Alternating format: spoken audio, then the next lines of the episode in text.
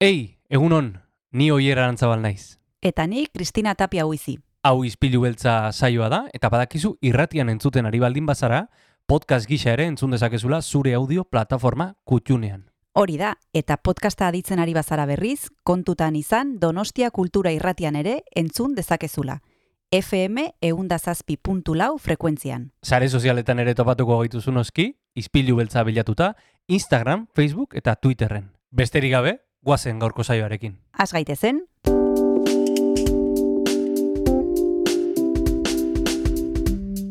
Ispilu beltza. Donostiako kulturaren berri, Oyer Arantzabal eta Kristina Tapia buizirekin. Egun honen zule, azaroak amaboz ditu eta izpilu beltzan zaude, Donostia kultura irratian. Hau astera doa. Astera goaz, Kristina, egunon. egun oier zer moduz? A primeran, primeran gaur mm, konbidatu oso berezia, benetan ilusio egiten kon, eh, konbidatu bat etorri delako. Ilusio esan nahi dut eh, jarraitu izan dudalako. Bai, badakit ilusio egiten dizula, eta horregatik elkarrizketatu duzu zuk. Ez dakit aukera gehiago edo askoz gehiago izango ditugun Eliades Otxoarekin hitz egiteko, oier. Ez, eh, donostira, bueno, etorri izan zen, eh? etorri zen donostiara. Bai, etorri bai, baina adinagatik esaten dut. Bueno, eh, kubatarrak, eh, bueno, ikusi, ikusi zea, eh, konpai segundo, laroita ma piku urte arte. Egia da, giran. genetika ona dute. Bai, bai, giran, eta eta guk onena opa diogu Eliades Otxoari, eh? Ez diogu baietz. zer txarra ospa. espero, dugu, espero dugu etortzea gehiagotan. Gaur, Bai. eh, Eliades Otxoarekin hitz egiteko aukera izango dugu, Buenavista Social Club, eh, bueno, bere bakarkako ibilbide oso potentea, eh, zetan ganarekin ere ba, kolaboratu du mm, El Madrileño diskoan, bueno, kontatuko dizkigu mila historia. Hori da, eta gainera, aste artea denez, zinemari buruz hitz egingo dugu Kresala Zineklubeko lagunekin, eta e, Janet Diez etorriko zaiguain zuzen ere gaur izpilu beltzara, una historia de amor y deseo pelikularen inguruan aritzeko, Leila Buziret e, zuzendutakoa, tunezeko zuzendari gazteak, Mhm. eta ikusiko dugu ze kontatzen digun e, filma honen inguruan, eta gainera, esan behar dugu oier, atzo hasi zera literaktum, Bai. aurtengo edizioa, e, azaroren hogeita bat arte disfrutatzeko aukera izango dugu, eta bueno, mm, izugarrizko egitaragua prestatu dute aurten, baina bueno, zerbait aipatzearren esan dezakegu Eduardo Mendoza etorriko dela la Donostiara, eta Abdelat Taia ere bai, gainera, badekizue aurtengo edizioa e, literatura eta zinemaren inguruan e, izango dela, Mhm. eta nahi izan ez gero, ba, nik uste igual onena da entzulei bideratzea webgunera oier. Bai, eusen daukate informazio guztia, eta ipatu dezakegu, bueno, nazioarteko jende mordoa Mhm. etorriko dela, baina baita ere bertako jendea, peilorri zarralde bera, e, zuri beltzetik argiantzara e, lanaren inguruan hitz egitera, e, Jon Obeso eta Jose Rasenperenak ere bere emanaldia ingo dute Vittorio Genero Club aretoan, mm, klasikoak ere izango ditugu, Dracula, Bram Stokerren e, e, Dracula ezaguna, mm, Mhm. bueno, gauza mordoa, hemen egia esan webgunean sartu da galdu zaitezke, ez? Bai, galdu zaitezke, ba, bueno, egin behar dena da erabaki e, zer nahi duzu entzun. Katixa Agirre, etorte zaiteren burura, e, Bai, bai, e, bueno, enkontru bat e, egingo du mm, zinemaldiaren iruita margarren urtornaren karietara, mhm. e, zer gehiago, Kris? E, mm, zer- Bueno, umeentzako ere badire gauzak ere bai, e, eta bueno, nik uste dut denontzat e, aukera dagoela, literaktum txikia antolatu dute, e, sei eta mabi urteko adin, e, adinean dauden e, umeendako, eta txano e, eta Oskar izango dira protagonistak, eta bueno, izan bezala, informazio guzia hor daukazue webgunean, Bai. Esan bezala atzo hasi zen eta hogeita batera arte daukazu entzule disfrutatzeko literaturari buruz eta kasuntan zinemari buruz ere bai. Bai, Eta guk eh, John Gartziaren baimenarekin oier hasiko dugu gaurko saioa, ezta? bai. primeran, e, musikarekin hasiko dugu, gaurko espilu beltza. Guazen.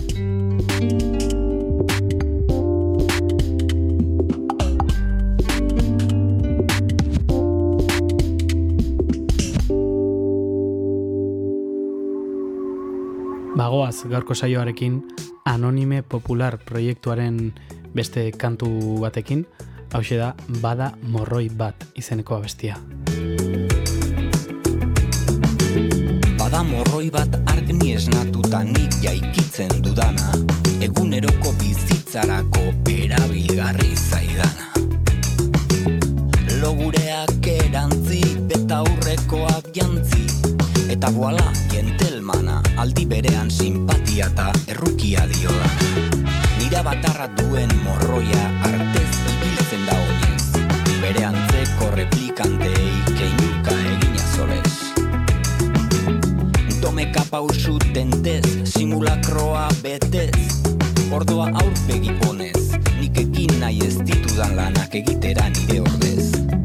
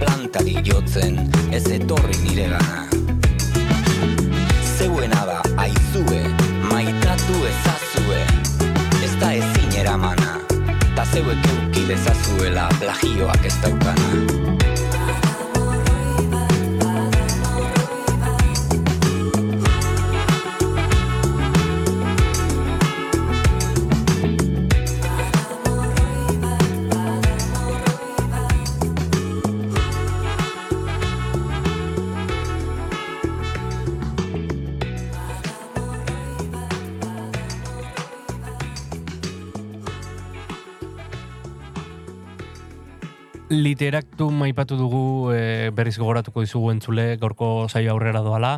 Literaktun puntu, puntu eusen e, topatuko duzula informazio guztia. Kristina, e, aipatzen ari ginen hainbat e, emanaldi, aipatzen ari ginen e, ba, bueno, oso idazle potenteak datozela, bai nazioartetik, bai esetik bertatik. E, azpimarratu nahi nuen beste emanaldi bat, Lander Garro, Andoni Gaina eta Eli Pagolak egingo dutena Faith, e, Faith e, Mhm. e, Landerren liburuaren inguruan. E, ba, bueno, e, aukera e, daukagulako mm, liburuen eta literaturaren inguruan hitz egiteko, baina protagonistak bertan izan da, ez? E, idazleak bertan izan da, eta gainera, ba hori, ba, landerren kasuan bezala, ba, beste jende interesgarri batekin, ez? Bai, noski baietz, eta gainera, esan bezala, e, Espainiatik ere torriko dira, adibidez, e, Isaac Rosa, Bai. eta kanpotik Hector Rabat, adibidez, e, Leire Palaziokin hitz egingo du, eta bueno, e, Katix Agirre, e, hemen izango dugu Ruth Perezan azutarekin hitz egiten, Mhm. Eta bueno, nik uste dut e, aukera ederrak izango ditugula literaturari buruz hitz egiteko gainera protagonistak e, bertan izan da, are bueno, e, mankorragoa izaten dira hitzaldiak, ez? Eta Bai. polita izaten da e, irakurri duzun liburu horren egilea parez pare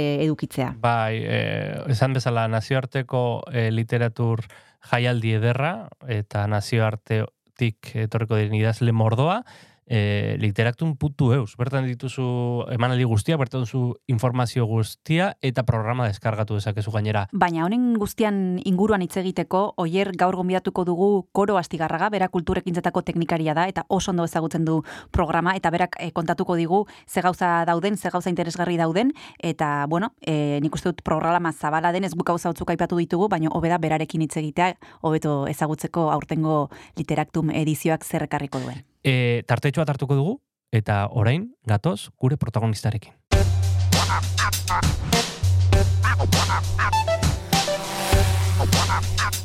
Donostia Kultura Irratia. Zabaldu gurekin Donostialdeko kulturaren leioa.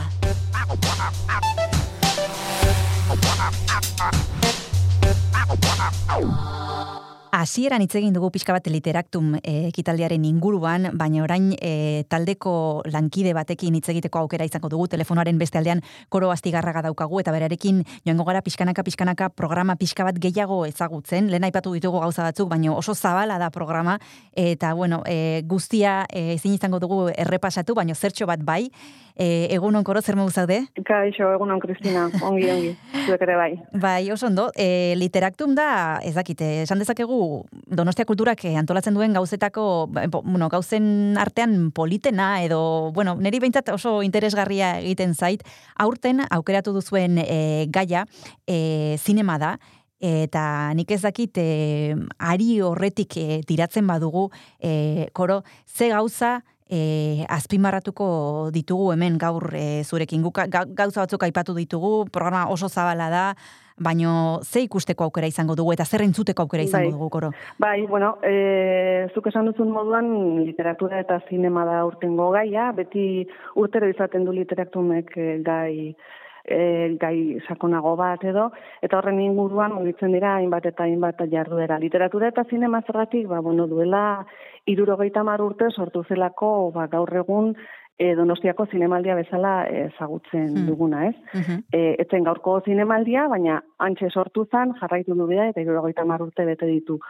Horri erreparatu nahi izan diogu, eta horregatik literatura eta zinema, eta horren inguruan izango ditugu, ba, idazleak, e, beraien e, leberriak eta lanak ba, ba, film bilakatuta edo moldatuta ikusi dituzten e, izan dituzten idazleak, e, zinema zuzendariak ere bai, gidoilariak, eta beste bat. Eta Itze egingo dugu hien bat, ba, prozesu, prozesu ez bi sorkuntza prozesu hoiez, e, hoietaz, e, konparatu behar ditugun, edo ez, bi sorkuntza modu hoiek, azkenean bi lan ezberdin dira, ez dakigu badagoen zer konparatu edo ez, mm aurrekoan idazle batek esaten zigun moduan ez, oberen adala traizioa, traizioa, filmak eleberriari traizioa egitea eta beste lan bat sortzea. Mm. Gutxi gara bera horren inguruan e, mugituko gara, bi aste hauetan.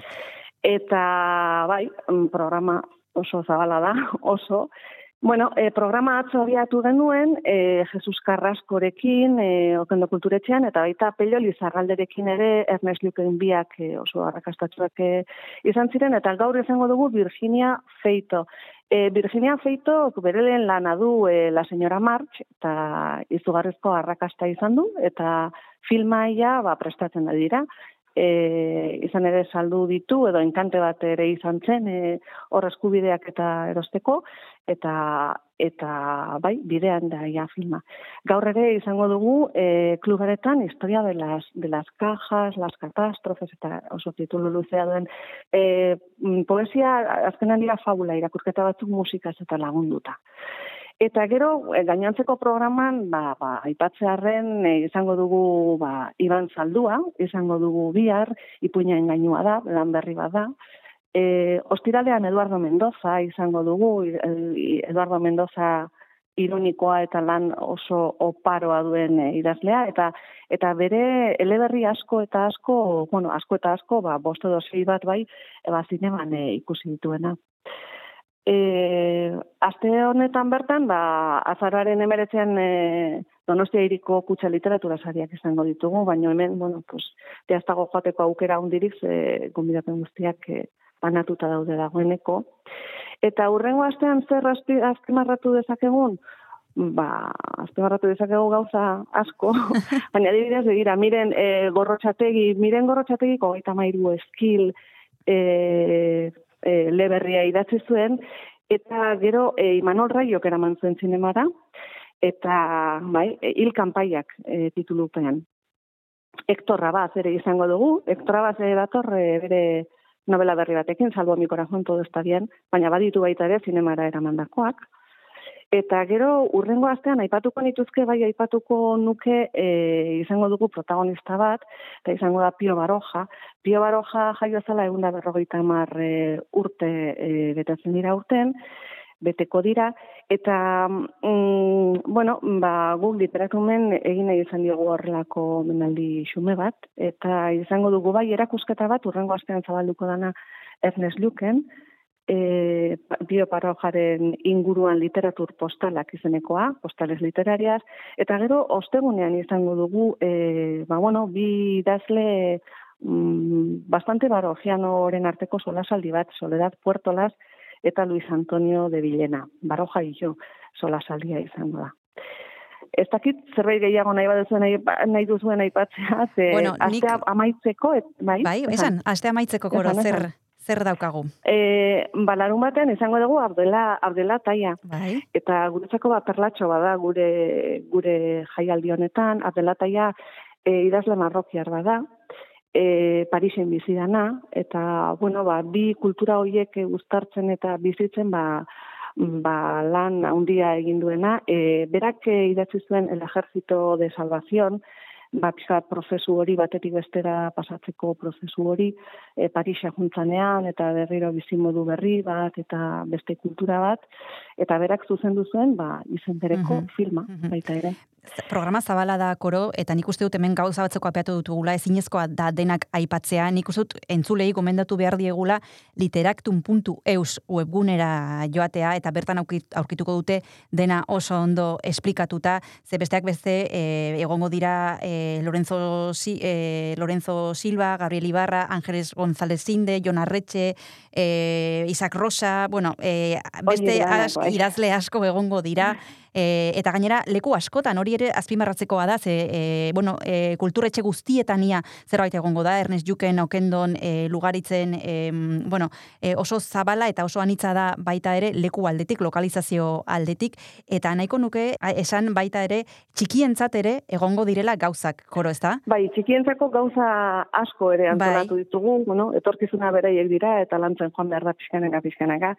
E, literaktun txikian, urtero osatzen dugu programa zabala, eta urten aipatuko nuke, e, bueno, e, badaugu iaz e, abiatu genuen e, ilustrazio lehiaketa bat, eta urten ere badugu, eta Txano eta Oskarren abenturen inguruan, bueno, justu-justu gabiltzaz, e, bihar uste dut amaitzen dela e, marrazkiak, e, ilustrazioak e, entregatzeko etea, baina, bueno, justu-justu, baina liburutegi guztietan, kulturetxetako liburutegietan eta aur liburutegian ere jasotzen dira marrazkiak, eta, bueno, aukera polita da. Eta horrez gain, bueno, e, e, ba, ba, amaika ipuin kontaketa, musikatu, ilustratu, antzerki, e, bueno, e, familiarekin jolasean e, kolaxak eta jolasak eta egiteko aukera, antzerkia ere bai, gaztestenan, antzerkia e, aieten ere bai izango da, bueno, amaika gauza, e, aurren egun unibertsalaren zigarren Mhm. festa, irakurketak ere bai, bueno. Gauza mordoa, dena dago jasota, esan bezala literaktun.eus Web orrialdean, webgunean. arrazoi duzu. Hori bai. da, hor Mhm. e, informazio guzia dago, eta bukatzeko koro galdetu nahi dizut e, norbaitek e, nahiko balu zerbaitetara joan, nola lortu e, sarrera, zer egin beharko luke? Vale, e, bueno, gutxi batzuk dira, eh? gehien gehienak, jarduera gehien gehienak e, sarrera librea izango dute, Mhm. e, bueno, edukiera bete arte, Bai? bai klubean diren, e, kluben diren, e, Victoria Eugenia klubean diren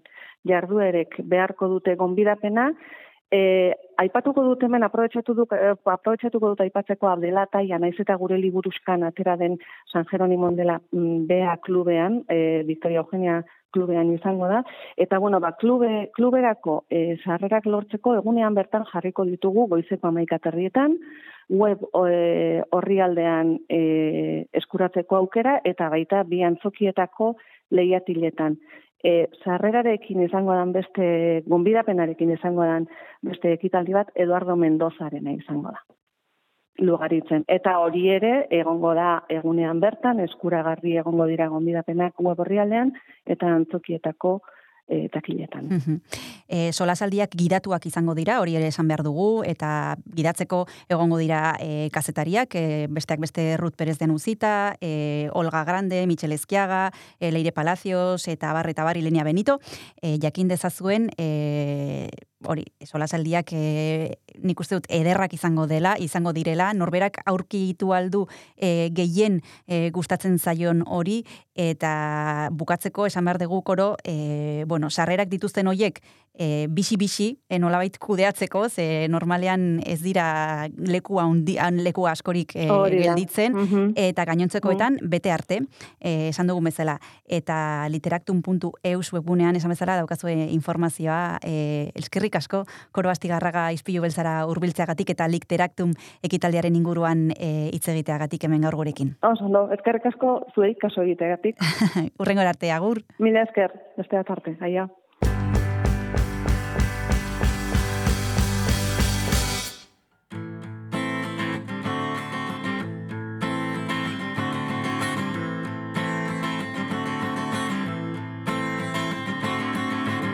Medication or delusion. Medication or the local road.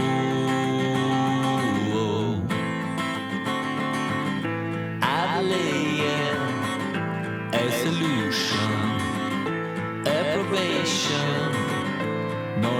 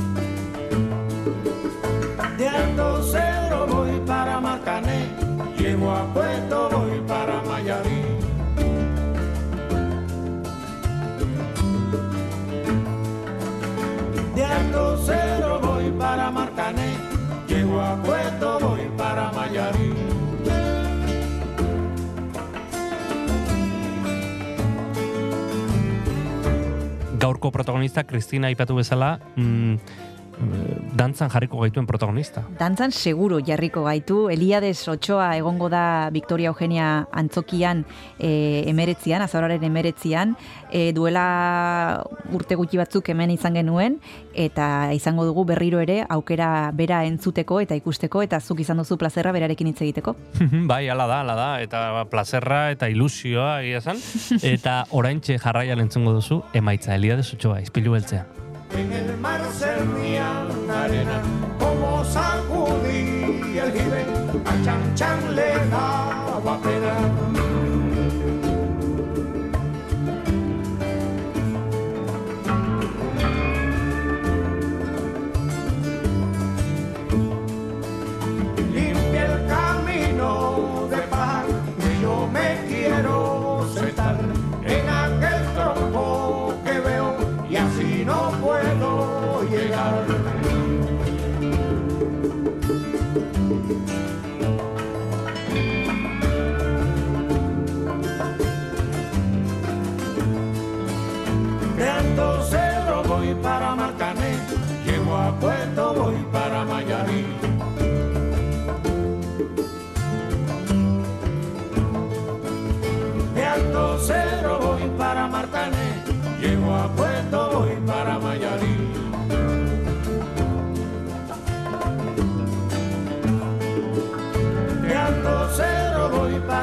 나는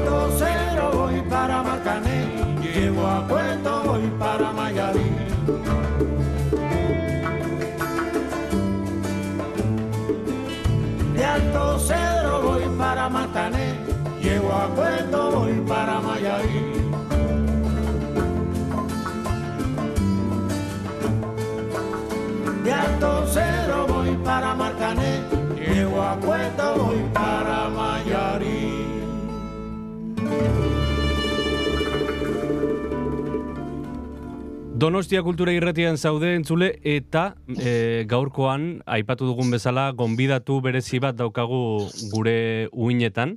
Gonbidatu berezi bat diot ze gaurkoan kubako musikaren e, bueno, izar haundietako bat izango dugu hemen, ispilu beltzean, Eliades Ochoa.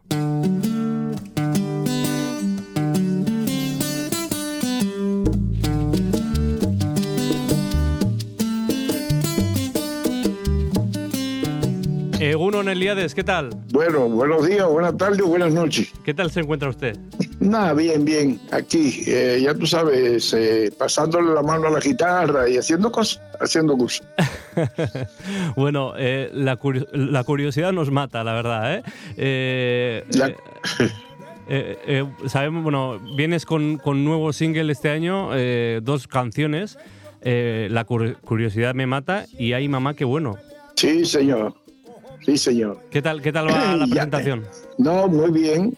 muy bien, Mm. muy bien. El público, la gente está, ha aceptado esos videoclips que hice allá en, en Miami y la gente le mucho cariño, mucho respeto y escriben pero sin, sin descanso. Mm. Escriben sin descanso a la página, a, a todos los medios de... Y nada, muy contento, muy contento. Con ese, con ese ánimo hacemos las cosas eh, y tratamos de hacerlas bien hecho para que la gente lo acepte y, y lo tenga como de ellos. Sí. ¿Y en qué momento te pillamos ahora, Elías? ¿En qué momento te encuentras en tu carrera? No, en mi carrera, en mi carrera yo creo que en, en buenos momentos. en buenos momentos y así estoy trabajando. eh, va a salir un disco también pronto, muy pronto va a salir un disco eh, que es una, una versión, una revitalización, tengo la lengua enredada, pero bueno, no importa. que es un, un, un EP de el, el disco Vamos a bailar un son Sí. que tiene muchos temas ahí, muchos temas, tiene temas buenos de nuevo y temas que, que ya se han hecho en otras oportunidades, pero que ahí ahora vienen con un sabor distinto. Vamos a bailar un son, es el fuerte, la presentación. Esta no quiero serlo, María Cristina, como la nube se impone al sol, que cantamos Pablito Milanés y yo. Sí. Y bueno, mucho, muchas cosas buenas en este, en este disco que va a salir ahora pronto al, al- al mundo, al mundo, sí, sí, sí, sí. Bueno, e- encantados de, de recibir el disco, eh, lo escucharemos con mucho, mucho interés. Eh, ya son casi seis décadas de carrera musical, que se dice pronto. ¿Todavía se le pone, ¿todavía se le pone la piel de gallina al, al subir al escenario? Bueno, la verdad que yo me subo al escenario, pero yo me subo eh, confiado. Al escenario yo me subo confiado con una eh, seguridad, porque yo sé que el público sabe, los, la- los fans saben lo que yo hago. Yo hago, eh, vamos a ver un son, píntate la Ave María, estoy como nunca, no quiero serlo, María Cristina. Ahora, estos dos, estos dos temas que están en el- los videoclips, que por cierto, vamos a decirle al público que, que busquen en, la, en YouTube estos dos videoclips para que luego me den su, lo que creen de estos Claro que sí. trabajos que nosotros estamos haciendo, claro, claro. Claro que sí. Y nada, nada, nada, estamos muy bien, estamos muy contentos. La verdad es esa. Bueno, pues vamos a escuchar La curiosidad me mata y volvemos enseguida. Escuchamos la curiosidad y volvemos a la entrevista. Venga, venga vamos a verlo.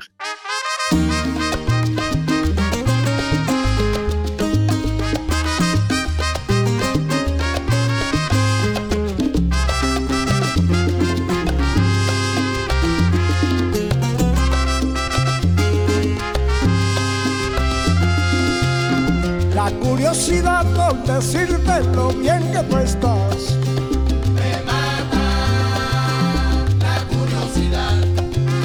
La curiosidad por decirte lo buena que estás.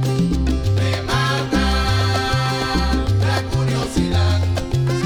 Yo quiero decirte muchas cosas bonitas. Yo quiero decirte cosas que tú te alegrarás. Que tú te ves bien como quieras, te embate casa y tu alegreña. Que tú te ves bien como quieras, te embate casa y tu alegreña. La curiosidad por decirte lo bien que tú estás. La curiosidad. La curiosidad por decirte lo buena que estás.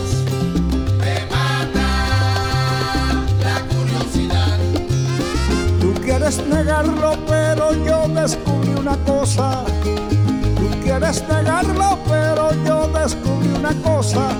Es que cuando tú me miras, tú te pones nerviosa. Es que cuando tú me miras, tú te pones nerviosa. La curiosidad por decirte lo bien que tú estás.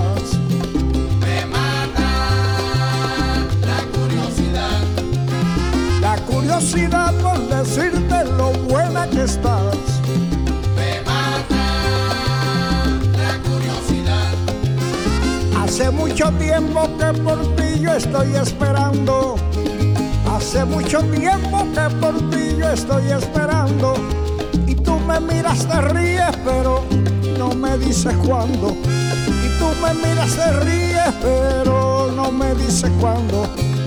La curiosidad por decirte lo bien que tú estás. Me mata la curiosidad. La curiosidad por decirte lo buena que estás. Me mata la curiosidad. Yo voy poco a poco, pero siempre con cuidado. Yo voy poco a poco, pero siempre voy con cuidado. Porque ella una vez me dijo, yo sé que tú eres casado. Porque ella una vez me dijo, oiga, yo sé que tú eres casado. Estoy embarcado, compadre. ¡Qué barbaridad!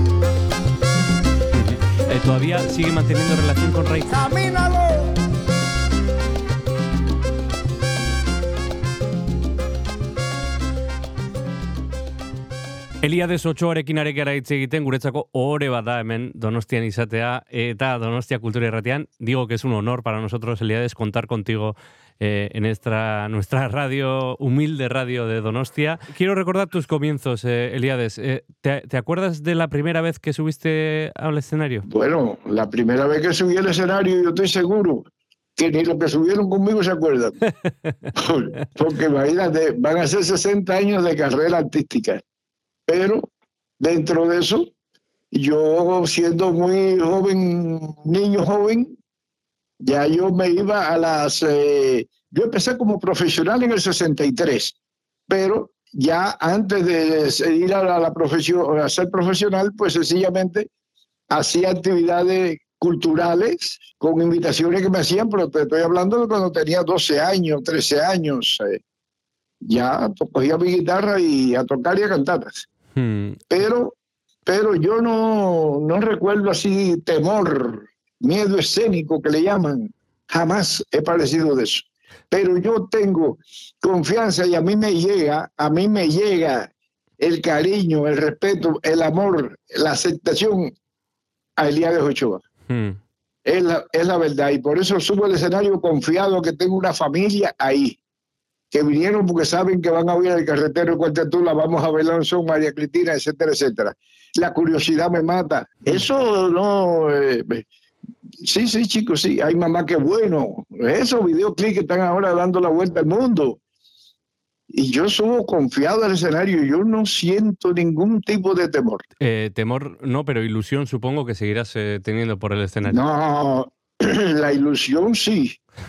La ilusión sí. A mí, a mí el público de siempre, de toda una vida, me ha dado la fuerza para seguir haciendo música en cualquier parte del mundo, a cualquier hora. Yo le agradezco mucho al público que me da salud. El público me da salud. Eso yo estoy seguro, seguro de eso. Bueno, hablemos de Buenavista Social Club, que es una etapa en tu carrera muy importante. Fue una bomba, ¿no? Eh, en su época. Buenavista Social Club. Pues Buenavista Social Club fue, usted dice que fue una bomba, Eso digo, eso digo. pero bueno, diga que atómica. Porque podía ser una bomba sencilla esa que, que no pasa nada. Eh, Buenavista Social Club fue sencillamente una, un, un bombazo Sí. en la carrera artística de Eliades Ochoa. Y la verdad que aún, aún en los momentos que estoy viviendo, sigue siendo Buenavista Social Club, BMG, sigue siendo una discográfica que para mí tiene mi carrera en sus manos. Déjeme decirlo así porque así lo siento. Sí. Y nosotros pues eh, esperando siempre lo mejor, pronto lo mejor. Y de verdad agradeciendo mucho, mucho, mucho a ese público que nos espera, al trabajo de Buenavista Social Club, BMG, a- vamos, a lo que trabajan de una forma u otra En, este, en estos proyectos, en estos discos que estoy haciendo. Ahora estoy terminando de hacer un disco que Sí, saldrá pronto, saldrá pronto a- a la- al público. Y todas esas cosas a mí me llenan de muchísima alegría, muchísima fuerza. Eh, ¿Todavía sigue manteniendo relación con Ray Cooder, por ejemplo? Sí, con Ray Goodell, claro, de la- pertenece al grupo de mi familia también. Prácticamente de aquello que le llamaron los cinco estrellas del Buenavista Social Club, que era Goodell y Elías Ochoa. Nada más porque se murió Rubén González, se murió Compay, se murió Ibrahim, se murió. Imagínate. Ahora, yo era un niño. Yo, yo era un niño cuando entré a Buenavista Social Club en 96. Eres, eres uno, uno- Y- eres uno de los últimos supervivientes, ¿no? Del, del grupo. Sí, sí, sí, sí, sí. Así. Y no sé si recuerdas eso que te dije que de, de Buenavista Social Club estuvo la selección y le hicieron cinco estrellas en Buenavista que éramos los esenciales en el escenario alante ahí al público. Ujú. Y lo que más fuerza teníamos más, con más temas en el disco y así, esas cosas así. Que no fuimos nosotros que hicimos eso. Eso lo hizo la discográfica y con Ray Kudel y ellos, el equipo de ellos. Ujú. Pero bueno, de aquello queda Ray Kudel y el Diade, porque ya no hay más nadie de, así de, de aquellos cinco estrellas. No hay más nadie. Bueno, Ujú. ya fí- no es tan físicamente. Ya, bueno, eh, le recordaremos en el escenario o cuando escuchemos la música cubana. Como vamos a escuchar ahora, Ay Mamá, qué bueno, que es el segundo single que has eh, presentado este año. Eh, ¿Qué puedes decirnos sobre esta canción? Bueno, la canción lo dice todo. Todo eso, hay, hay, hay mamá que bueno, Muy bien, pues, hay mamá que bueno.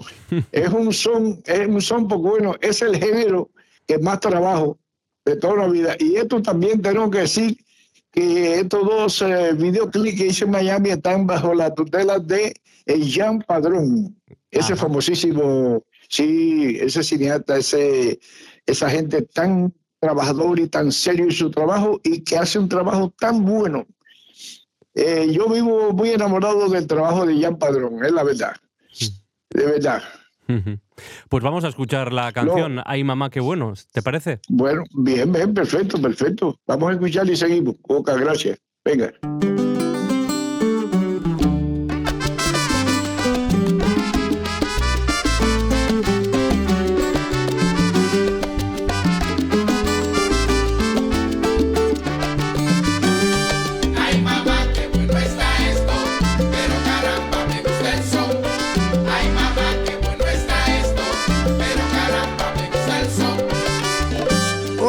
Oriente tiene el orgullo de ser la cuna del son.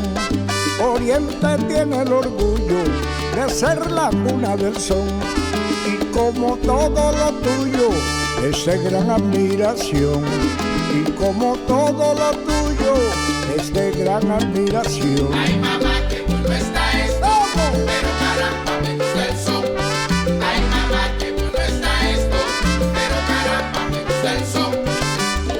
La melodía de un son es una cosa preciosa. La melodía de un son es una cosa preciosa y una música sabrosa que te alegra el corazón. Una música sabrosa que te alegra el corazón. Ay mamá, qué bueno está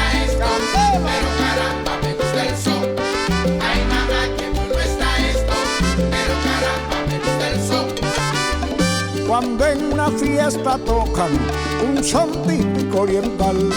Cuando en una fiesta tocan un son típico oriental. La gente se vuelve loca y disfrutan por bailar.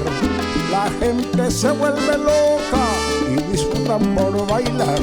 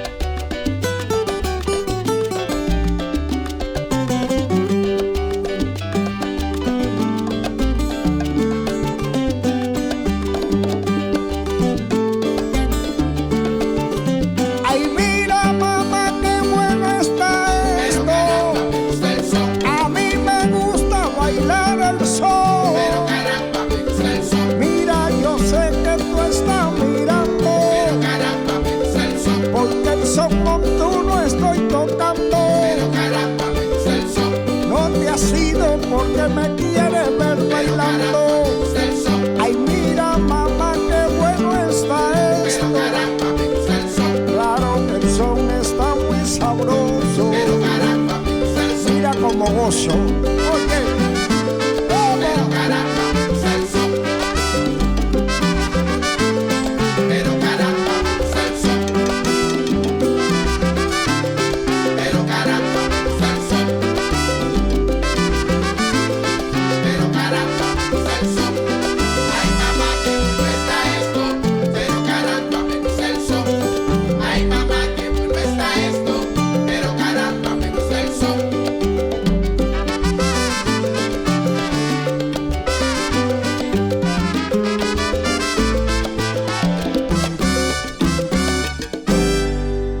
Elías Ochoarekin ari gara hitz egiten, musika entzuten ari gara, musika ederra. Eh, estamos escuchando los dos singles, hemos escuchado los dos singles que has publicado, Eliades. Eh, hablemos de Cuba. ¿Cómo, eh, como la música, Cuba también ha cambiado mucho desde entonces? ¡Uy, muchacho! Eso es como del día a la noche. como del día a la noche. Pero bueno, siempre siguen los artistas y siguen los bailarines. Ha cambiado, pero el son sigue siendo el son y lo siguen bailando donde quiera hay sonero. En cualquier parte, en cualquier esquina. Cuba es una isla musical. Esa palabra yo le he dicho muchas veces porque es una verdad gigante que no podemos quedarnos con ella dentro. Mm. y dime, dime. No, eh, te, te decía que, que en los tiempos sombríos en los que vivimos, eh, Cuba exporta médicos, pero también exporta música, como dices, ¿no? Sí, sí, sí, sí. Bueno, eh, Cuba, los médicos que salen por ahí, pues salen como médicos. Y nosotros salimos con la alegría en la garganta, en las manos y con la guitarra lista para hacer música, para llevar alegría, para llevar alegría, que yo creo que hace falta alegría en el mundo. Sin duda alguna, sin duda alguna. Eh, Sin duda, sí. Tuve la suerte de estar en el concierto que ofreciste hace años en Donosti, en el Vitoria Eugenia, y ahora repites, Mm. eh, ahora repites de nuevo. Eh, eh, ¿qué, qué se encontrará el público en, en el escenario? No, el público sabe. El público sabe lo que va a encontrarse allí, el Eliade de siempre, el Eliade que soy. El Eliade que soy, ese Eliade que pertenece a- al que va a ver el concierto. Yo me siento uno más. Y yo siento a ese público que está sentado en el, en el teatro, en el cine, yo, yo lo siento como que están ahí al lado mío dándome la fuerza que, que siempre he recibido del público. Porque jamás, jamás he de- he dejado de recibir esa alegría, esa emoción cuando yo llego, los aplausos, la gente parado de pie, dándome gritos y cosas. Esa cosa me, me ayuda mucho a la salud. A seguir viviendo con deseo de hacer música siempre. Eh, ¿Cómo hacéis lo- los músicos cubanos para mantener la buena forma? Bueno, yo no sé, por lo menos en Santiago de Cuba, la cuna del son. En Santiago de Cuba yo antes decía que eh, la trova, la llamada trova, la música tradicional, te quiero decir. Sí, sí. Pero en la Casa de la Trova en Santiago de Cuba, que hay una casa, la Casa de la Trova que es muy conocida en el mundo. Ahora, yo decía antes que es posible, porque todos los viejecitos, todos los trabajadores mueren viejecitos. Viejecitos, noventa y tantos años, 95, 94, 96, 93, todos pasan de los 90. Y entonces, ¿qué es lo que hacen los trovadores, los bohemios? Sencillamente se tomaban su copa de coñac y cogían las claves y empezaban a hacer música. y. Y entonces yo decía, bueno, parece, parece, yo no estoy anunciándole a nadie que se vuelva alcohólico, pero parece que una copa de coñac y un buen son montuno, buen son tradicional cubano, pues parece que también ayuda a que la salud alargue. Seguramente, seguramente. Eh, en el concierto que te digo que tuve la suerte de estar en el Vittorio Eugenia, en el Teatro Vittorio Eugenia, que es un maravilloso teatro, en- mencionó usted eh, su ascendencia vasca o eh, dijo Ochoa, el lobo. ¿eh? No sé si, eh, no sé de dónde proviene, si tú, si usted... Mi padre, mi padre, Sí, mi padre, sí, mi padre, hijo de, de la gente del País Vasco. ajá. Mi abuelo del País Vasco vino a Cuba y bueno, luego se regresó. Ah, mira. y de ahí y sí y se, se regresó allá para, para el País Vasco pero también se mudó y estuvo mucho tiempo en Galicia y nada esas cosas que pasaban antes que venían y se enamoraban de una cubana él empezó a trabajar en los cañaverales. Le decían el galleguito. Y entonces yo no conocía a mi abuelo no lo conocí. Pero oía los comentarios de mis padres, de mi padre de mis tíos, los hermanos de mi padre, y bueno, de todo el mundo. Muy trabajador, bueno, como, lo, como todos ellos. Muy trabajador, empezó cortando caña y después ya empezó a, y compró con los ahorros una carreta y después un mulo y después y cuando bueno bueno pues ya tenía una eso de carretas y, y dos tres mulos para llevar entonces ya él llevaba ca- carretas de caña para el central Ujú. ya el hombre ya, ya se iba desarrollando. Pero bueno, vinieron después todas las cosas esas, las enfermedades, se enfermó y todo, murió mi abuela y, y por fin, Ujú. Y aquello se quedó ahí. Pero sí, yo vengo con descendencia del País Vasco. Cuando voy al País Vasco, la gente me, yo hace poco que fui y mira, me tuvieron que ayudar a salir de allí porque la gente salieron para arriba de mí a abrazarme, a besarme, a quererme, a gritarme y, y no me dejaban mover de verdad. Y yo me sentía, me sentía algo grande, sí, para la fiesta de San Fermín. Ah, San mira, Fermín. mira, mira. ¿Y sabe usted de dónde proviene su abuelo? ¿De qué pueblo? No, honestamente no te sé decir de qué pueblo proviene. Pero sé que la cosa está entre ellos ahí. Eh, ya te digo que tuvo, viene del País Vasco, pero son mucho, muchas regiones en la- de- del país. Sí. Y sé que tuvo mucho tiempo en Galicia. Y así y se fue en una invasión de esa de cubanos a trabajar a Cuba y, sí. y ya sabes. Ya, ya investigaremos, ya investigaremos. Eh, Eliades, te vamos a pedir otra canción. Hemos puesto los dos singles. Ahora, ¿qué podemos escuchar? ¿Qué nos recomiendas? ¿Me quiere, quiere que yo te diga otra canción? Eso es. Bueno, la verdad que yo me gustaría que usted oyera para después recibir el, el- el deseo de que me diga que está bien hecho. Vamos a bailar un son. Vamos a bailar un son. Sí, me gustaría porque además está- en el disco que va a salir próximamente y, este, y es uno de los, el último disco. Perfecto, del, del año 20, ¿verdad? Vamos a escuchar Vamos a bailar un son. Perfecto.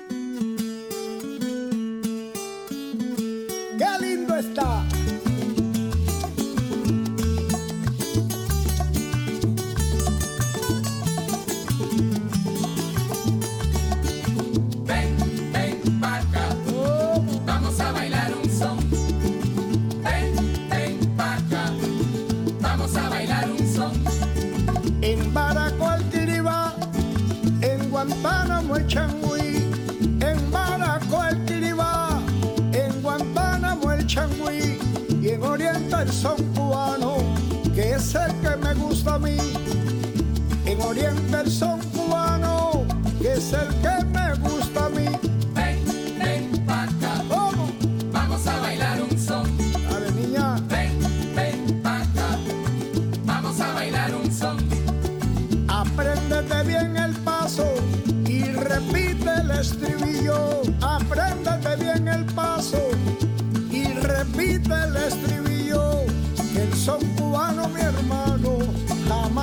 perdido el brillo que el sol cubano, mi hermano, jamás ha perdido el brillo. Ven, ven, pata, vamos a bailar un son. Ven, ven, pata, vamos a bailar un son. En cualquier parte del mundo que yo me pongo a tocar, en cualquier parte del mundo que yo me pongo a tocar, la gente se vuelve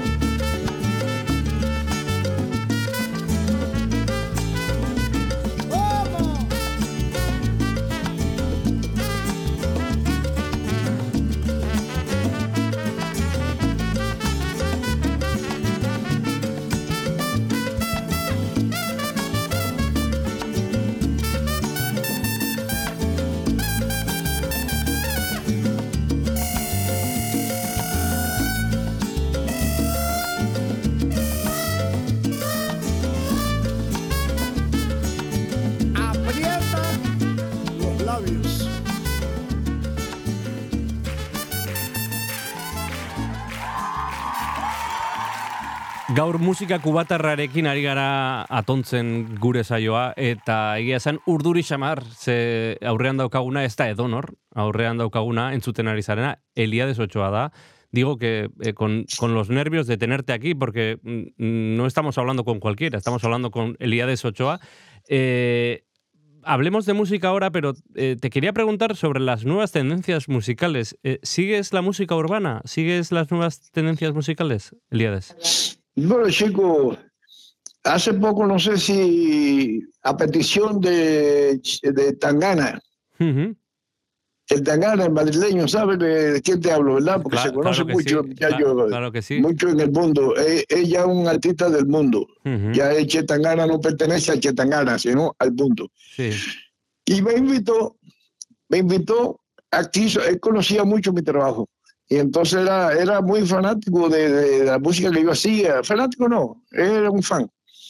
Y cuando me conoció me invitó a que yo participara y que yo que y ya en el estudio quiso que yo grabara el, el tema este con él cantándolo. Muriendo de envidia, Y ¿verdad? así, muriendo de envidia, así lo hicimos en el estudio y ahora parece que en este disco eh, tengo muchos invitados y parece que, que están localizándolo. A ver si participan con nosotros también en el disco. y Yo no sé cómo saldría eso. Ujú.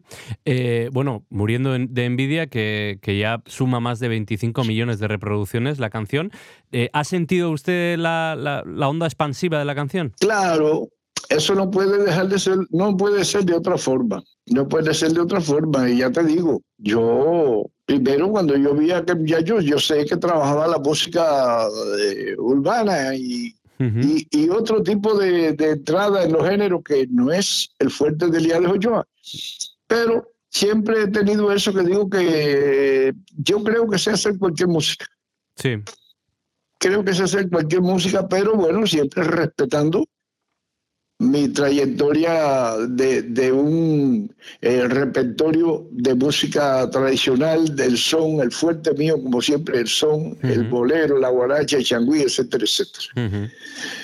Y me sentí muy feliz y luego cuando vi que sencillamente el disco se había disparado de la forma que se disparó, Mm. y entonces, bueno, pues me dio muchísima alegría saber que había participado por invitado de él en el disco. Ujú. Elíades, eh, ¿ha, ha sido esta canción, esta colaboración, una, una forma mm, para muchos jóvenes de conocerte? Sí, yo creo que sí. Yo creo que sí, pues ya me, ha- ya me ha pasado eso en distintas ocasiones. Salen los jóvenes a preguntarme por el tema que hice con el Chetangana, que qué bonito, a felicitarme, a decirme cosas. Lo mismo a que por, por Europa, por América, por donde quiera. Sí. Por donde quiera, y me doy cuenta que se, eh, se ha oído mucho y se está oyendo y está a un nivel de altura el disco del eh, Muriendo de Envidia con el Tangana. Y la canción que hicimos nosotros, yo creo que es una de las canciones fuertes que tiene el disco. Sin duda alguna. Quizá eh, nos des- despidamos con esta canción. Eh, te deseamos mucha suerte para el concierto y, y eso, esperamos que disfrutes con el público de Donosti y que vuelvas pronto. Yo estoy seguro que sí. Yo estoy seguro que sí. Así que vamos a ver si nos vemos allí. nos vemos allí, nos vemos allí, sin duda. Venga, Un, abra- venga. un abrazo muy grande, Eliades. Un abrazo para ti también y salud, que es lo que nos hace falta. Eso es, salud. Hasta luego. Seguro, seguro. Hasta luego. Bye. Vámonos, Ochoa. Venga.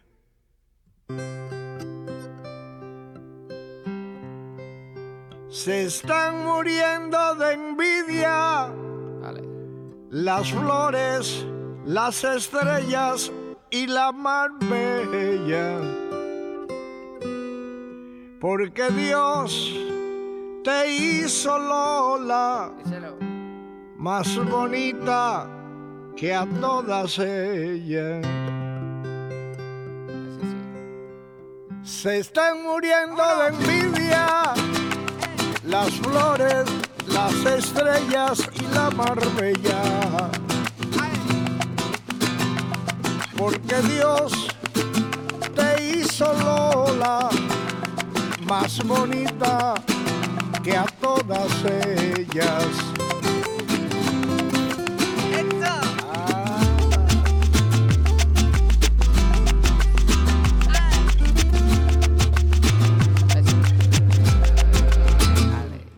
Si un día Dios no lo quiera, pierdo los cuartos y mi talento.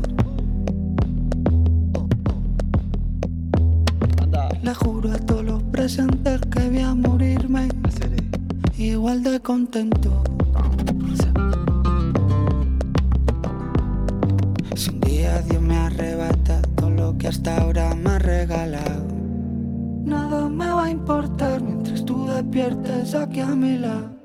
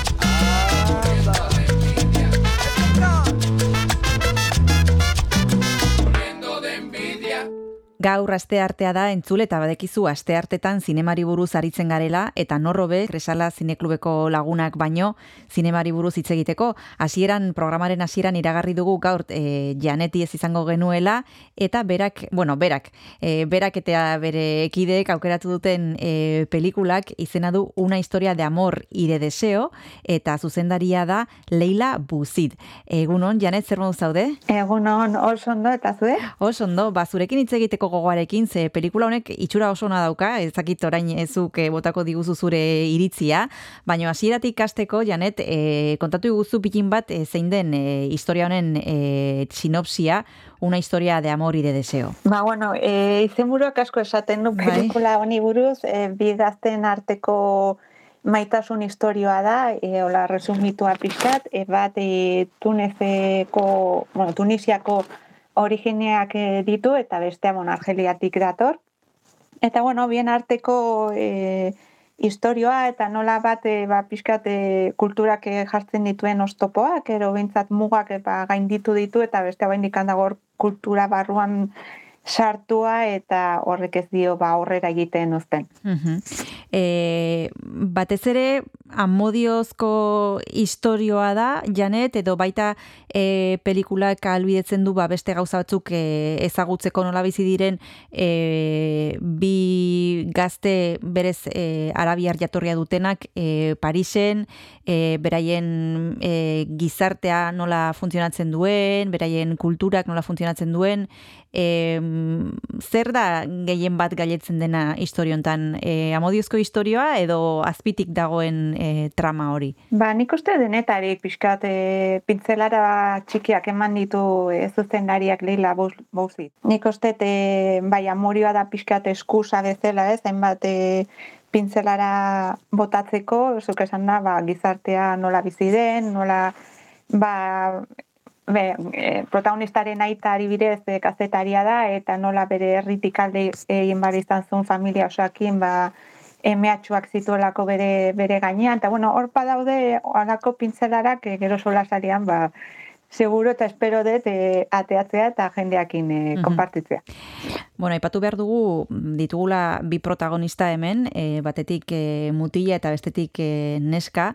E, nolakoa da pertsonaia bakoitza? E, oso diferenteak dira, e, amodiozko historia bat bizitzen dute elkarrekin, baina nik ezakit e, karakterrak antzekoak diren, diferenteak. Bai, hasieratik, e, bueno, behintzat hasieran oso diferenteak dira biak e, neska fara, e, Argeliatik e, zakit iris- iritsi berria, ero behintzat e, oen dela gutxi iritsita Parisera, eta ba, pixkat, hori ez, gizarteak eta bereien kulturak e, gaititz, e, gainditu ditu bere gizarteak emandako mugak, ez? Eta mutilaren kasuan oaindikan hor dago, ez? E, esaten diote erotiko hitza eta ja ba, pixkat e, koldartzen da, ja jartzen da pixka lotxati, Eta nik uste, e, ba, pixkanaka, pixkanaka ikusiko dugu nola biak aldatzen juten dian, eta batez ere mutila. Mhm. Ba, oraintxe bertan jarraituko dugu pelikulan inguruan hitz egiten, baina badekizu Janet eh, atxeden bat hartu eskatu behar dizu dala eta horretarako eskatzen dizut eh, bai zuri eta bai gonbidatu guztiei abesti bat tarte hau hartzeko. Ezakite ze abestitan pentsatu duzun orain entzulekin partekatzeko?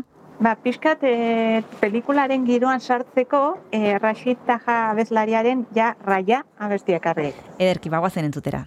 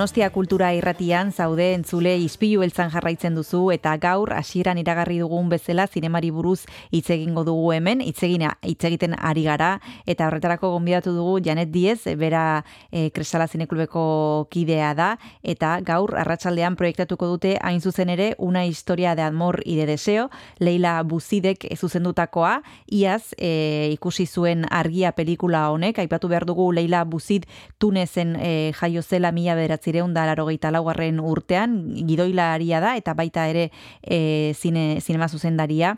Ari ginen hitz egiten pertsonaien, pertsonaien inguruan, e, Janet, eta nik ez dakit e, zein, izan de, zein izan den e, aitzakia edo arrazoia pelikula hau kresalara ekartzeko. E, zein izan da? E, pentsatu duzuen ba, e, edo zein helbururekin ekarri duzue gaur kresalara pelikula hau? Ba, beti buruan neukitzen dugu ikusleak, ez? E, donostiko ikusleak, eta bueno, inguruko ikusleak, ze bai batzutan e, irunetik eta beste leku batzutik e, urbiltzen dira kresarara. Eta beraiek e, buruan neukita, pentsatu genuen e, filma ikusita, ba, film interesgarria izango zela, eta, bueno, gero sola sarian, ba, gai desete dituela komentatzeko, eta oso, oso polita da ikusteko gainea, eta, ba, aurrera esan genuen. Bai, e, kritika oso onak izan ditu, baina nik ezakite zuri egon den zerbait e, pelikulan ez zaizuna gustatu, edo, bueno, ezakite borobila iruditu zaizun, edo ez? Neri gustatu zait, egia esan da, e, ez nun espero alako, ba, bueno, e, pertsonaien aldaketa, eta e, zuzenariak ematen dituen pintzelarak beste gai txiki batzukin, ez? Ba, batzutan bota ditzen ditu alako pertsonaien esaldiekin ba, gai potente batzuk, ba, ba gustatu zaire, esan dezakete pelikula borobila dela. e, aipatu dugu zuzendaria e, gaztea dela, e, Tunezen jaiotako neska gaztea Leila Buzid e, mila beratzireun hogeita laugarren urtean jaio zen Tunezen, baina gero joan zen Parisera ikastera, e, batxilergoa bukatu ondoren eta Sorbonan ikasi zuen e, literatura. Ez da bere lehenbiziko lana, aipatu behar dugu ba, laburmetrai matzuekin hasi zela lehenbiziko, e, Bonjour, 2006an, e, beste proiektu batzuk ere izan ditu, hau da bere azken proiektua, eta nik ezakit aldez aurretik e, zuzendaria ezagutzen zenuen, beste lanaren bat ikusi duzun, edo hau zen hau izan den lehenbizikoa. Ba, niretzako, nire kasuan, lehendabiziko, bueno, bere lehendabiziko lanara, e, ikusi detena, eta bueno, ni uste eta askotan esan dut erratean, baina hau da bai, e, ba jarraitu behar zuzendari bat, ez? E, hain gazte izan da, eta ba, bueno, alako pelikulak eta alako begirara e, jarrita bere ba, gai, olako gaietan, ez? E, gertu ditun berak e, gaietan, baina bueno, beste batzuk ez ditugunak hain gertu, ba, interesgarria da. bai, zaipatu behar dugu, bueno, esan dugu ja da, e, bera Parisera joan zela ikastera, eta oso ondo daki nola sentitu alden pertsona bat Afrikatik datorrena, eta badibidez kasu hontan Frantziako hiriburuan, ba, nola egokitu behar den bertako kulturara, baino jakinda, ba, beste leku batetik e, datorrela, ez? Eta oso ondo islatzen du kasu hontan pelikula honetan, baina nik dut bere lan guziek ere badutela horrelako e, kutsu bat edo horren arira e, direla gehienak. Bai, gainea, e, bueno, kasuotan pertsonaiak e, arabiar kulturako pertsonaiak dira, baina bai ikusten dugu e, ba, beste kulturetako pertsonaiak, ez? Badago momentu bat sekuentzia bat e, pertsonai nagusia mutila e, ikastolara, bueno, institutura, o unibertsitatera ez dakitu bantxe bertan, e, ze klasetara di joan eta pasilloan ikusten duzu, ez? Ba, asiako bat, e, Afrikako beste bat, e, kultura desberdinetakoak, ez? Eta nik uste te, bai protagonistak e, bere kulturaren gertu dago dela, baina, bueno, beste kultuak bai e, hartzen ditula bere begiraran. ba, pelikula honen inguruan jarraituko dugu oraintxe bertan hitz egiten, bigarren deskantsua hartu behar dugu, baina horretarako abesti bat eskatu behar dizute Janet, eta nik ezakitze pentsatu duzun bigarren tartentarako. Ba, kasu honetan, e, orain dela saio batzuk e, aukeratu nuen e, abeslari bat ekarriret, indila, bera Frantzia, Frantziakoa da, eta berarekin batera karrusela bestia bestuko du Amir. Uh Ederki bagoazen entzutera.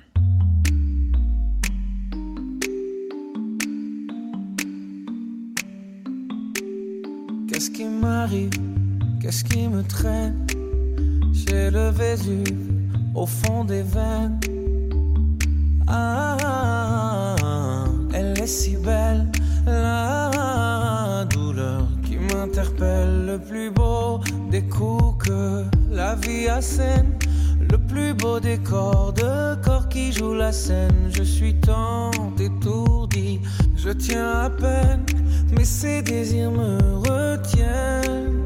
Et je cours, j'ai le cœur en aller-retour.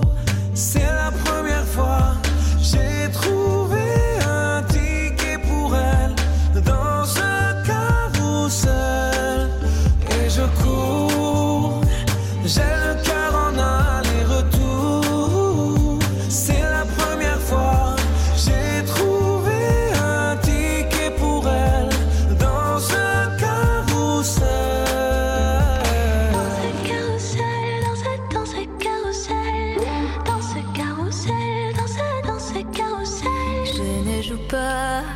dans un game, là tu t'engages. Quand tu m'aimes, faudra me préserver jusqu'au souffle dernier. Je cours, j'ai le cœur en aller-retour. Première fois, j'ai trouvé enfin l'essentiel dans ce carrousel. Oui, je cours,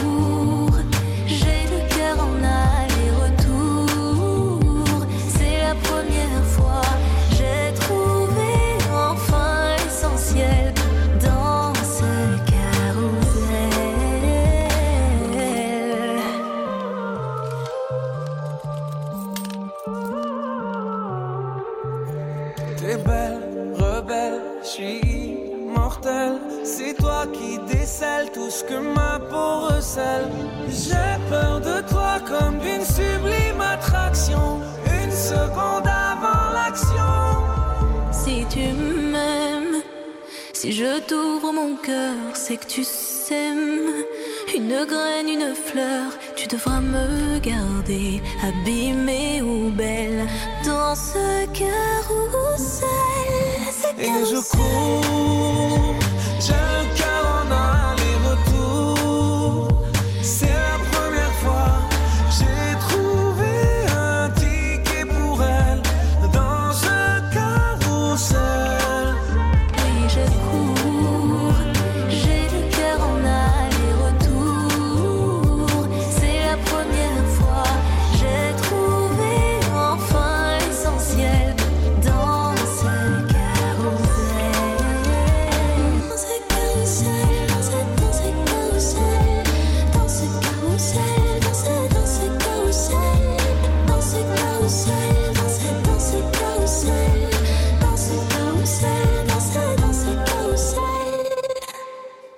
Gaur telefonoaren beste aldean Janet Diez daukagu, Kresala Zineklubeko laguna, badekizue asteartetan egiten dutela gurekin e, ba, tartetxo bat, hartzen dute zinemari buruz aritzeko, asteartero proiektatzen dute pelikula bat trueba zinemetan, arratsaldeko zazpiterdietan, eta gaur, una historia de amor y de deseo e, pelikularen txanda da, Leila Buzidek zuzendutakoa, iaz ikusi zuen argia pelikula honek, e, tunezeko, tunezekoa da, eta ari ginen hitz egiten zuzendari honen inguruan, eta aipatu behar ditugu pare bat gauza, Janet, eta batetik dira aktoreak, eta horren inguruan nahi nizun galdetu, zer iruditu zaizkizu, e, batez ere protagonistak direnak neska eta mutila. Ba, oso, ona, gaina, e, ba, pixkat investigatzen e, jarri nintzen, eta e, averiguatu dut, e, mutilari bidez, ba, beste saio eta serie batzuetan lan egin du, eta nik uste oso ondo egiten dula. E, gainari, ba, adibidez, e, mutilak Sex Education serian e, azaltzen da, eta esan dakoa, netzako oso onak dira, zena oso naturalki ateatzen zaizkie gauzak, eta badaude momentu batzuk, e, ba, bueno, ez bazaude komoro eta gustora, eta ba, ez dia, hain, ba, ondo ateako, Bai, nabaritzen Eta- da ez dela naturala, ez? Hori da, bai. Eta beste bat gauza bat e, aipatu nahi nizuna Janet da musika. Ze, bueno, e, izan dudu sariren bat e, soinu bandak eta nik ezakit e, azpimarratzekoa den edo zuri zer iruditu zaizun. Bai, gainea e, daude momentu berezi eta konkretu batzutan ipinita. Badago Mhm. momentu bat e, bi pertsonaiak e, Paristik e, pasatzen daudela, eta patzean no, e, entzuten ez hor soinu bat ezakizula zer den e, zehazki, eta pente ikusten ez hor trompetista ero saxofonista bat e, kalean jotzen, ez? Eta bai, momentu konkretu, eta nik uste e, ba, zuzenariak oso ondo zekin noiz ipinez, mom, e, ba, igual tentsio momentutan, ero e, bazekin ze momentu zehazkitan ipini, ba, ba ikusleengan zerbait zorta, e. Oso ondo, hori musikari dagokionez, nik ezakite zein gomendatuko diozun e, pelikula hau, ze ikusle motari esango zenioke hurbiltzeko gaur e, trueba zinemetara. Ba, nik uste guztionzat, gaztetatik e, helduetara nairuna etorri goan egongo gea e, ongi etorri emateko prest. Mm, hau ez da pelikula zaila horietako bat, orduan. Ez, gaina gustora oso ondo gustora ikusten da, eta nik uste te guztiontzako pelikula dela. Mhm. Eh, esan bezala gaur arratsaldeko zazpiterdietan proiektatuko duzu etrueba zinemetan una historia de amor y deseo, eh, Leila Buzidek zuzendutako filma, eta nik ezakit zein tokatuko zaion eh, gaur aurkeztea pelikula hau janet. Ba, gaurkoa ni egongo naiz, mikrofonoakin hor, ea norbaitek animatzen da hitz egitea sola saldian. Mhm. Normalean jendea animatzen da? Ba, oain gutxi. Mm. Bai, egia da, e, gutxiago animatzen dela jendea, baina, bueno, hor egongo naiz ni hor, pixka zirikatzen. Bueno, aia xirikatzen dituzun, guk hemen badekizu beti gomendatzen ditugula e, bai e, joaten direnei ba, parte hartzeko eta solasaldian e, iruzkinak e, botatzeko, ze hor gauza mm, pila bat e, agertzen dira, gauza interesgarriak eta batzuetan e, solasaldietan e, izan ere gauza ba, interesgarrienak e, suertatzen dira, ez? Eta horregatik hemendikan gomendatzen ditugu e, e, gomendatzen diegu entzulei ba, parte hartzera eta eta beldurrik gabe e, hitz egitera. Ba, esan bezala, gaur e, Trueba zinemetan e, proiektatuko dute una historia de amor y deseo, Kresala Zineklubeko lagunek. Eskerrik asko, pelikula hau ekartzeagatik, eta eaan zer moduz gaur arratsaldean besarkada bat eta hurrengo arte janet. Besarkara, Kristina. Aio. Aio.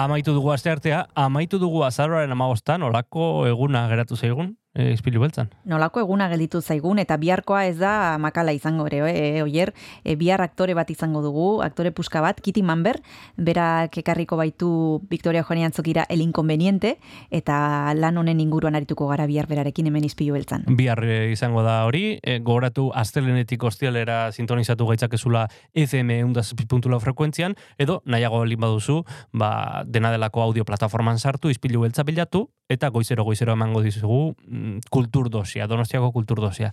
Kristina, bihar arte. Bihar arte aio. Agur, agur.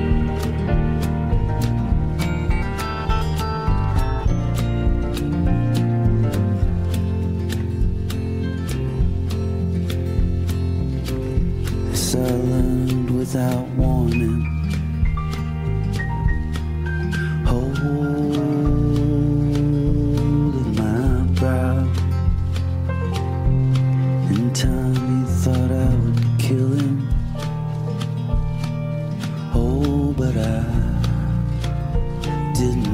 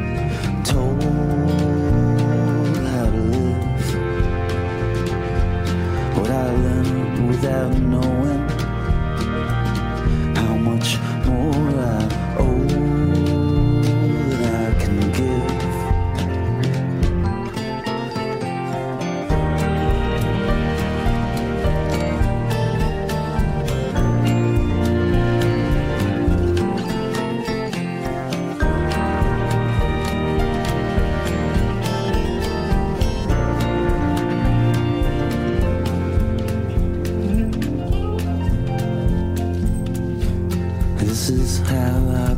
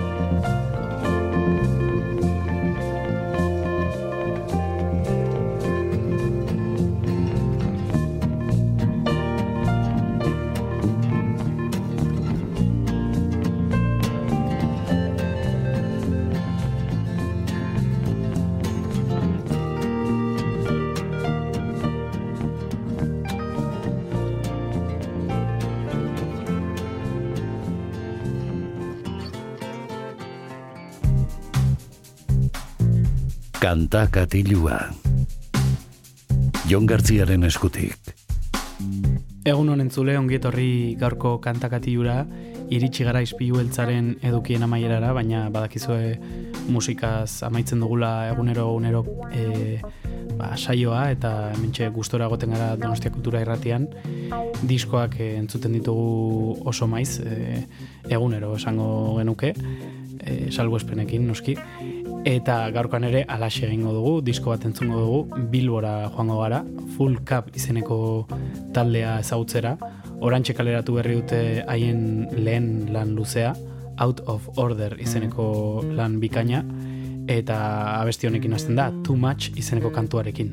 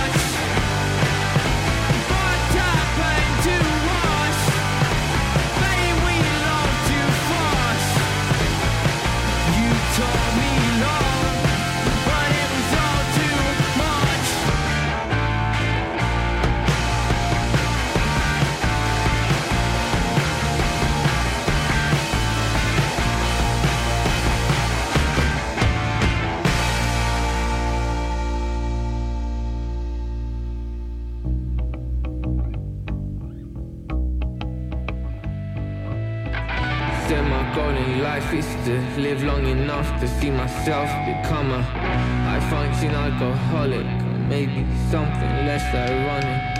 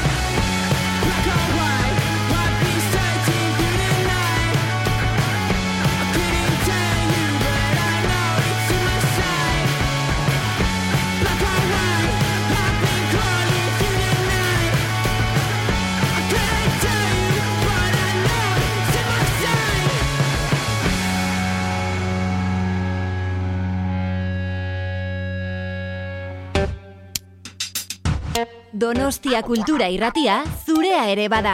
Zatoz eta parte hartu.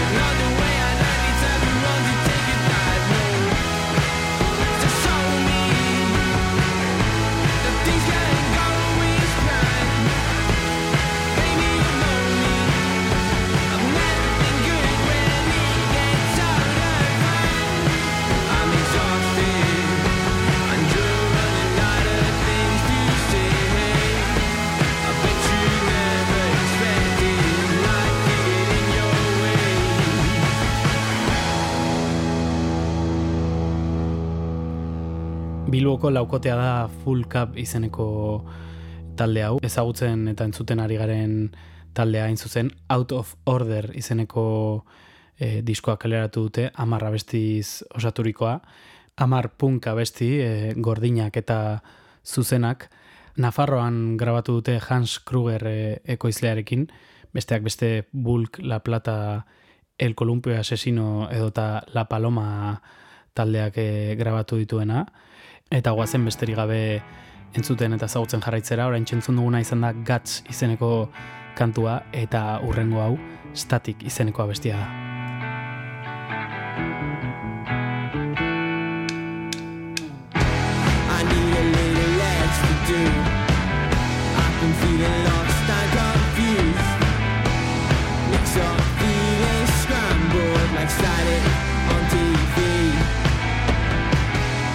No.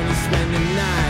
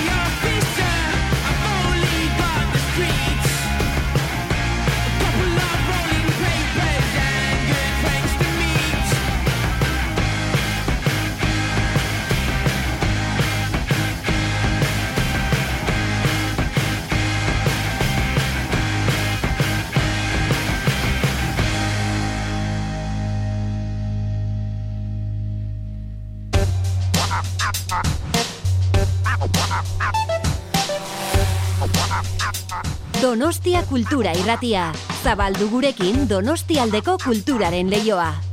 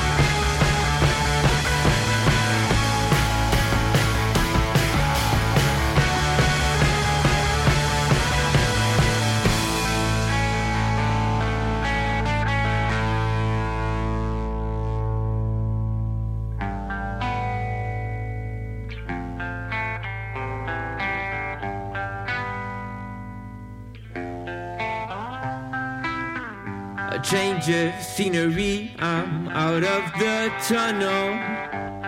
New words to the same melody. Painting thinner, mixed through a funnel. The phone call cold still gets